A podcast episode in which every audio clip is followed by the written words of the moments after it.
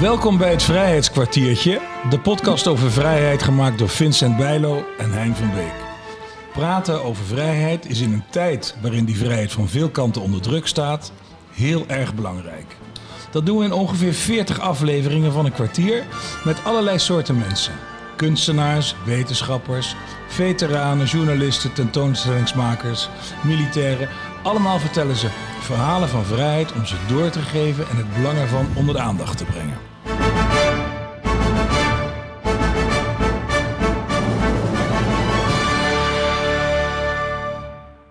In deze aflevering spreekt Vincent Bijlo met Frank van Sprang, inspecteur-generaal de krijgsmacht, inspecteur-generaal de veteranen en reservisten, marineofficier en onder andere oud-commandant van het Korps Mariniers. Hij werd uitgezonden naar onder andere Cambodja-Albanië gedurende, althans naar Albanië gedurende de Kosovo-oorlog. In 2007 werd Van Sprang commandant van het eerste mariniersbataljon en was betrokken bij operaties in Tjaad en Afghanistan. En ook werd hij uitgezonden naar het ISAF hoofdkwartier in Kabul. Frank en Vincent, aan jullie het woord. Dag IGK. Dag Vincent. Goedemorgen. Um, wij zitten hier, dit is de eerste in een reeks van 40 podcasts. Die wij gaan uitzenden vanuit Hotel de Wereld, vanuit uh, Loevestein, slot Loevestein, de voormalige staatsgevangenis in de Gouden Eeuw, waar onder andere Hugo de Groot uh, vast zat en in de boekenkist ontsnapte. We kennen het verhaal. En vanuit het Airborne Museum in Oosterbeek, waar de slag om Arnhem uh, tentoongesteld en herdacht wordt en op, op waarde geschat. Um, maar vandaag maken wij een uitzondering. De openingsaflevering. Wij komen zelf naar het leger toe, als het dan niet naar ons komt. Uh, vanuit Zwaluwenberg, de Villa Zwaluwenberg. Uh, misschien is het goed om eerst even, kunt u even beschrijven hoe wij hier erbij zitten? Nou, we zitten hier eigenlijk in een uh, kopie van een Engels landhuis. dat is ooit begonnen door een bezit van familie de Pesters. Maar sinds 1945, toen Prins Bernhard als eerste inspecteur-generaal, toen heette het nog inspecteur-generaal van de Koninklijke Landmacht, zijn functie startte, uh, heeft hij hier eens in deze villa getrokken. En sindsdien heeft die functie zich ook ontwikkeld tot inspecteur-generaal de krijgsmacht. En reservisten en veteranen, zoals net uh, door Hein verteld. Dit is overigens ook de, de, de plaats waar, waar het huidige kabinet is tot stand gekomen. En het vorige ook. Het vorige ook. Ja, dus dit is voor de mensen die hier al eerder zijn geweest natuurlijk een een vrij geïsoleerde plaats, mooie plaats. Dus als je moeilijke besprekingen hebt, zoals formatiebesprekingen, ja. dan is dit een geëikte locatie daarvoor. En minister-president Rutte heeft hem eh, dus nu al twee keer zo gebruikt. Wat, wat doet de IGK? IGK heeft eigenlijk vier functies. Het is ooit begonnen als een uh, onafhankelijke adviseur van de minister. En zoals ik net al zei, ooit uh, ging het gefocust op de Koninklijke Landmacht. Maar tegenwoordig is het meer de gehele krijgsmacht. En dan gaat het erom dat ik de onafhankelijke adviseur ben van de minister. Uh, in zaken de staat van de krijgsmacht. En dat doe ik door heel veel werkbezoeken op de werkvloer af te leggen en daarover te rapporteren. Tweede, inspecteur de veteranen. Dat is wel een functie die eigenlijk al wel gekoppeld was aan Prins Bernhard, want die was natuurlijk zeer begaan met het lot van de veteranen. Maar pas in de jaren negentig is het echt formeel inspecteur de veteranen geworden. En bemiddelaar voor het personeel. En dan hebben we het over personeel, zowel actief dienend of oud defensiepersoneel, maar ook hun families die op een of andere manier vast zijn komen te lopen in een proces. Uh, die kunnen bij ons aankloppen voor uh, bemiddeling. En dat heeft vaak geleid tot de vergelijking met uh, de ombudsmanfunctie ja, voor Defensie. Ik, ik dacht er net aan. Um, als we nou eens even met de veteranen beginnen, want die, die, die staan natuurlijk eigenlijk voor, voor de, de, het verdedigen der vrijheid of het verdedigen van vroeger landsbelangen ook. hoe vindt u dat de, de veteranen door Nederland worden gewaardeerd, zou ik maar zeggen. Wat is, wat is hun positie in het Nederlandse, in, de, in de maatschappij? Ja, je hebt een, een, er is een veteranenwet. Uh, ik zit toevallig, ben ik ook vicevoorzitter van het Nationaal Comité Veteranendag... samen met de heer Smit, commissaris van de Koning in Zuid-Holland. Mm -hmm. En er zijn eigenlijk drie belangrijke pijlers. Dat heeft te maken met erkenning, waardering en zorg. En als we bijvoorbeeld hebben over zo'n veteranendag, maar er zijn nog wel meer activiteiten door het land, dan gaat het met name over die erkenning en de waardering uh, voor de veteranen. Als we kijken naar allerlei enquêtes die we houden, of ook reacties op dat soort dagen, dan zijn die ronduit positief. Er zit wel ergens een, een randje aan. En dat is wat je merkt in de media, en dat is dus wel uh, heel actueel. is dat als een missie of wat dan ook niet heeft opgebracht wat men ervan verwacht heeft, dat dat negatieve stof vaak neerdwarrelt op die veteraan. En dat hebben we natuurlijk gemerkt met dossiers waar ik me mee bezig heb gehouden met het Indië-onderzoek. Maar dat geldt ook net zo goed voor bombardementen op Avica, de slag om Chora, ja. uh, Srebrenica. Uh, maar zelfs als het gaat over de bevrijdingsactie van de punt uh, 1977. Ja, die, die stralen natuurlijk onmiddellijk af. Nou is er uh, onlangs een, een, rapport verschenen van de evaluatiecommissie Buitenlandse Zaken. En dat, dat is eigenlijk toch wel redelijk somber over wat missies hebben opgeleverd. Wat, wat deed dat u, dat, dat rapport? Nou, als ik, als ik die conclusies lees, dan denk ik van ik herken ze. Maar het is wel natuurlijk op welk niveau lees je die conclusies. Want ik denk als je aan menig veteraan zou vragen die aan die missies hebben deelgenomen, dat ieder zo zijn eigen zingeving aan die missie heeft gehad. En misschien een veel positiever beeld daardoor ook heeft. Nou, ik heb wel destijds toen in Oersgaan ook wel veteranen of die waren toen natuurlijk nog geen veteranen, uh, horen zeggen van nou laten we snel even een foto maken voor het school, van het schooltje, dan hebben we die voor thuis. Dus dat soort cynische eh, dingen werden natuurlijk vaak gezegd. Maar het is, um, is, is de Haagse politiek eigenlijk, uh, heeft hij een soort bril op die anders is dan, uh, dan, de, dan de realiteit waar mensen die op missie worden gestuurd zich naar voegen, zou ik maar zeggen. Nou ja, dat zie je wel. Dat zie je zelfs bij de, na de aanleiding van de studie over het uh, Indie-onderzoek ook. Hè. Dat is van waar lag nou de politieke verantwoording van het bestuur en de politiek. En wat hebben we aan opdracht meegegeven aan die militairen die destijds zijn uitgezonden? Ja. En wij, wij onder de veteranen zeggen we altijd, je moet het gezien hebben, maar vooral ook geroken hebben. Dus het zeg maar, ja, bewustzijn van hoe een bepaald land en welke situatie die verkeert en wat je daar aantreft, daar zit nog wel een discrepantie in. En dat leidt mogelijk ook wel tot de doelstellingen die op een hoog ambitieniveau uh, liggen, uh, vaak tot ver in detail. En die willen wel eens een spanningsveld geven met de mensen in het terrein zelf. U haalde net het voorbeeld aan van die school. Ja. Kijk, een van de dingen die die je merkte, zeker in Afghanistan, was van hey, dat, dat eigenaarschap. Uh, want je kunt natuurlijk wel scholen uh, bouwen, je kunt uh, ziekenhuizen bouwen en daar een nationale vlag op hangen, omdat dat dan mooi staat. Maar daarmee voelt de Afghaan zich dan nog geen eigenaar voor. Nee. Dus je, wat je al merkte dan was, ja, zo'n vlag erop hangen is eerder een, een rode lap op een stier richting een Taliban-beweging. Uh, dan dat je dit zou zeggen van hé, die school of dat ziekenhuis, uh, die zijn ook echt bedoeld voor de Afghanen en laat hun dan ook het eigenaarschap daarvan nemen. Maar dan zou je dus ook zeggen dat militairen dan eigenlijk een andere uh, taak daarbij zouden moeten vervullen. En dat is die taak van verbinding met die lokale bevolking. Ja, maar die had je daar ook wel. Hè? Want we ja. hebben het altijd over die drie sporen. En, ik heb zelf dan, je had het spoor veiligheid, je mm -hmm. had bestuur en ontwikkeling. Ja. In mijn tijd in Afghanistan zat ik met name op die twee andere sporen. Maar dat vraagt ook wel dat je daar een geïntegreerde benadering hebt. En dat betekent dus ook dat je specialisten van andere ministeries moet gebruiken om die ontwikkeling en dat bestuur uh, op poten te krijgen. En da dan pak ik denk ik altijd weer terug aan mijn eerste uitzending naar Cambodja, waar je een VN Transitional Authority had. En dat kwam er eigenlijk op neer dat de VN niet alleen met militairen, maar ook met burgerspecialisten bepaalde vakgebieden de hele regering overnamen.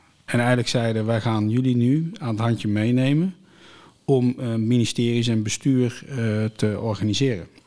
En in Afghanistan hebben de Canadezen zo'n soort programma uh, gedaan. Dat hebben ze voor een jaar gedaan met het idee dat neemt een andere partner het wel over. En het is jammer dat niemand dat gedaan heeft.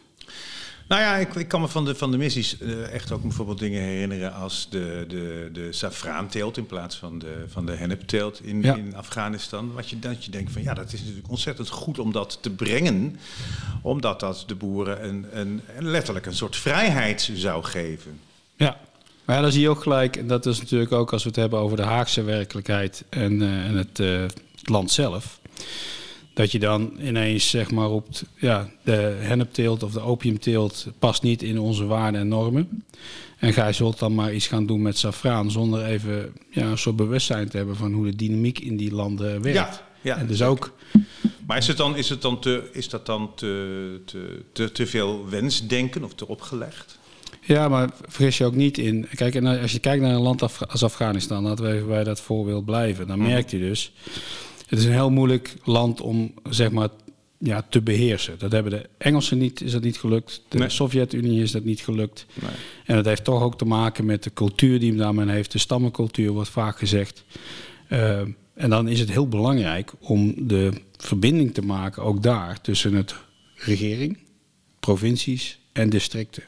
En daar dwars doorheen komt die cultuur van eh, de stammen, die in bepaalde gebieden gewoon een autoriteit zijn en eigenlijk dus ook gewoon wars zijn van elk overheidsingrijpen.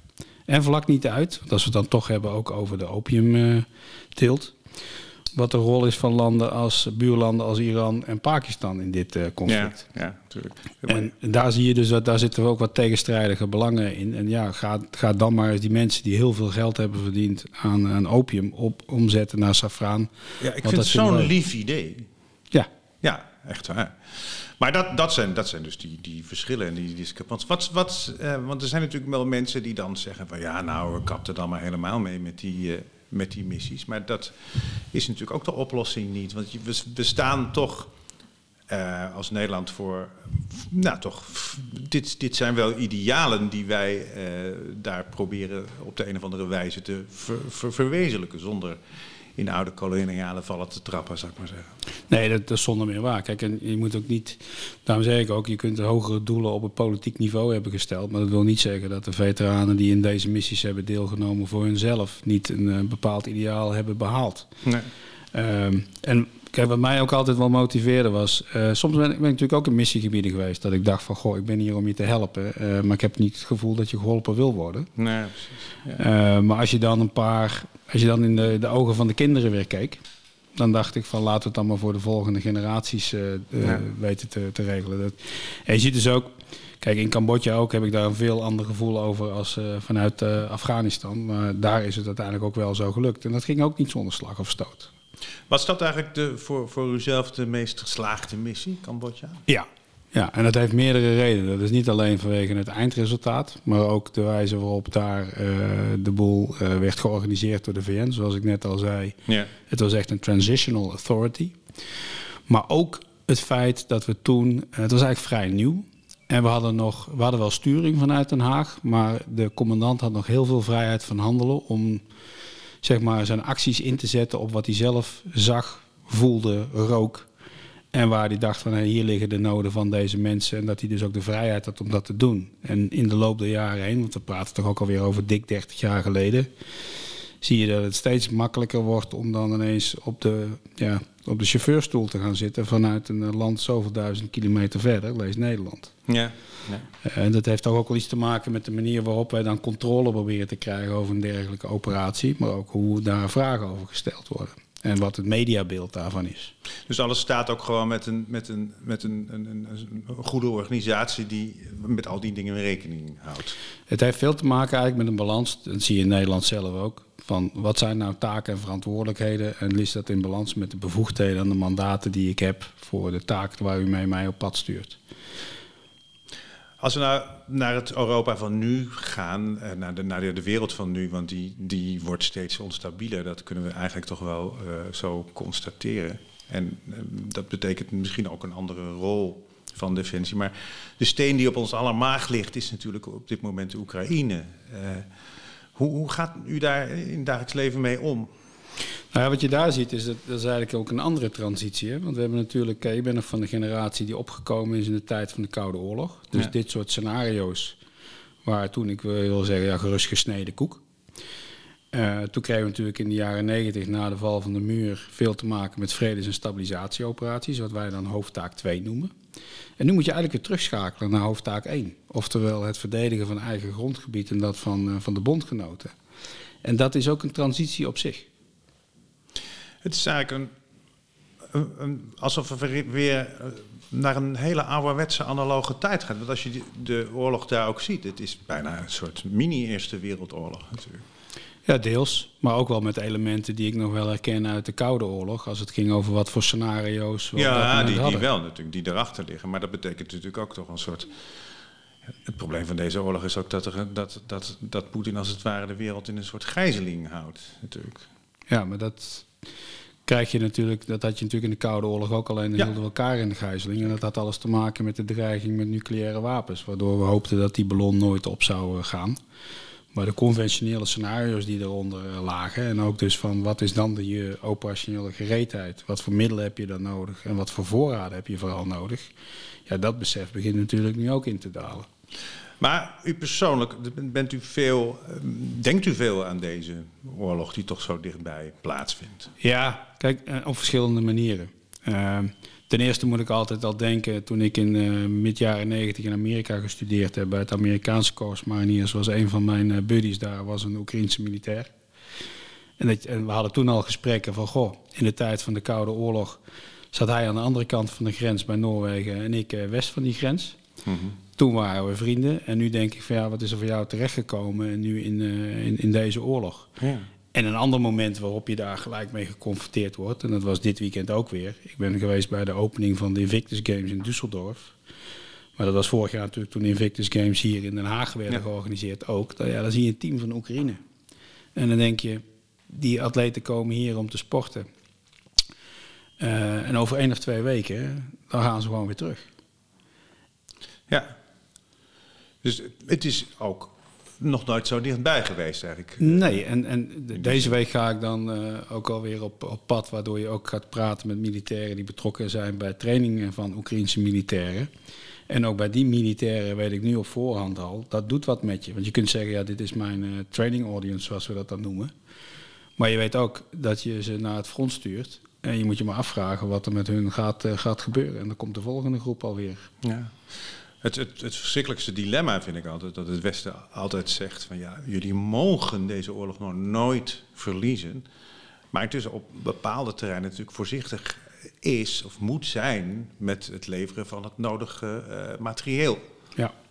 Ja, het is, het is een dunne lijn. Hè? Maar laten we ook wezen, dat, dat, dat zie ik zo, we hadden het straks even over het beeld van veteranen in de media. Maar dat heb ik met Oekraïne ook. Want dan denk ik ook wel eens terug aan het Oekraïne-referendum bijvoorbeeld een x-aantal jaar geleden. Ja. Uh, waar we toch ook al een uitspraak hebben gedaan richting van wat gaan we met, Euro uh, met uh, Oekraïne doen als mhm. partner binnen, de, binnen Europa. Ja. en dan gebeurt er zoiets en dan gaan we ons pas beseffen, oh. Want dan had het misschien er heel anders uitgezien. Dat zou heel goed kunnen, ja. Maar dat heeft natuurlijk ook weer allerlei dingen te maken met, met communicatie, met manipulatie, met ja, hoe wij voorgelicht zijn. En dat is misschien ook wel de kern van dit gesprek, dat eigenlijk ja. het daar allemaal om draait. Ja, maar dat zie je ook wel met als het gaat over uh, de waarden en normen die wij in Nederland hebben. Dat we die niet ook zo 1, 2, 3 kunnen projecteren op het land waar we op uitzending gaan. Nee. Uh, want we hadden het toen straks even over uh, opiumhandel in Afghanistan. Maar ik kan me ook nog herinneren dat Nederland geen zaken wilde doen met de, wat was het, de provinciegouverneur van, van Oersgan destijds. Uh, die toch wel een belangrijk vehicle had kunnen zijn om, uh, om zeg maar daar voet aan de grond te krijgen. Omdat we vonden dat hij van een clan was en dat hij betrokken was bij allerlei zaakjes die uh, wij niet daglicht willen laten zien. En dat heb ik in Zuidoost-Azië ook meegemaakt. Ik zeg altijd maar, corruptie is een relatief begrip. Ja, ja, ja, ja. En dat hebben we in Afrika natuurlijk net zo. Ja. En dat is ja, ook een beetje die dominee die dan met het vingertje gaat, gaat wijzen. Daar moeten we ook iets ja, daar zullen we ook flexibel in moeten zijn. Ja, maar de dominee is dan soms gooit dan zijn eigen glazen in ook. Ja. Zou kunnen. Ja. Hoe gaat uh, u zelf en ook Defensie om met eigenlijk het, het, het verhaal vrijheid jongeren? Ja. Dus het is groot goed, de jeugd, maar we moeten wel zien dat wij hier natuurlijk zo bijzonder mogen leven. Ja. De vanzelfsprekendheid lijkt groot. Wat doet u eraan? Nou, je, er zijn verschillende, wat we zelf doen, en er zijn ook verschillende programma's. Kijk, een belangrijk programma vind ik altijd Veteraan voor de Klas. Uh, ik zie ook vanuit het comité Veteranendag dat je ze bij de jeugd bij verschillende evenementen wil betrekken. Uh, ook bij de Invictus Games trouwens. Want ik kan misschien me nog te binnen toen we daar vorig jaar ook uh, middelbare, maar ook lagere scholen naar binnen haalden. Om ook contact te maken met veteranen. Maar vooral ook dat bewustzijn te laten groeien. Kijk, Nederland is toch wat dat betreft Um, raakt het mij nu direct of niet? En dat is best wel lastig. Want nu zien we natuurlijk de oorlog in Oekraïne, dat is dagelijks in beeld. We zagen het overigens ook als het ging over het neerschieten van de MH17. Ik zeg altijd maar, stel dat daar nou geen eens Nederlander in gezeten had. Had het dan ons geïnteresseerd? Ik denk het niet. Kijken we naar terroristische aanslagen. We hebben natuurlijk de aanslagen in Parijs gehad. We hebben er ook een aantal weten te verijdelen hier in Nederland. Maar als dat niet op, de, op jouw drempel gebeurt, dan merken we dat de aandacht al gauw gaat naar de andere political topics als we het hebben over onderwijs, gezondheidszorg en sociale zekerheid. Dus je zult toch outgoing moeten zijn om die verhalen te vertellen. Dat proberen we op verschillende manieren te doen. En vaak werkt dat wel via het veteranenlandschap. Maar dat geldt ook bijvoorbeeld voor. Ik ben ook beschermheer van de Vereniging Dragers Militaire Dapperheidsonderscheiding. Om ook hun verhalen te brengen. En dat kan ook met podcasts. Dat kan met, met filmpjes zijn. Dat kan ook uitreiken richting de jeugd om daar naartoe te gaan. Want ik denk dat de interesse er wel degelijk is. Ik was afgelopen zaterdag bij eh, de kick-off van het eh, Dinja Defensie. En daar zie je toch ook best wel veel animo eh, voor, voor een dergelijk programma. Om in ieder geval de jeugd, het is trouwens niet alleen jeugd bij de Dinja, want je ziet er ook verschillende leeftijdscategorieën komen.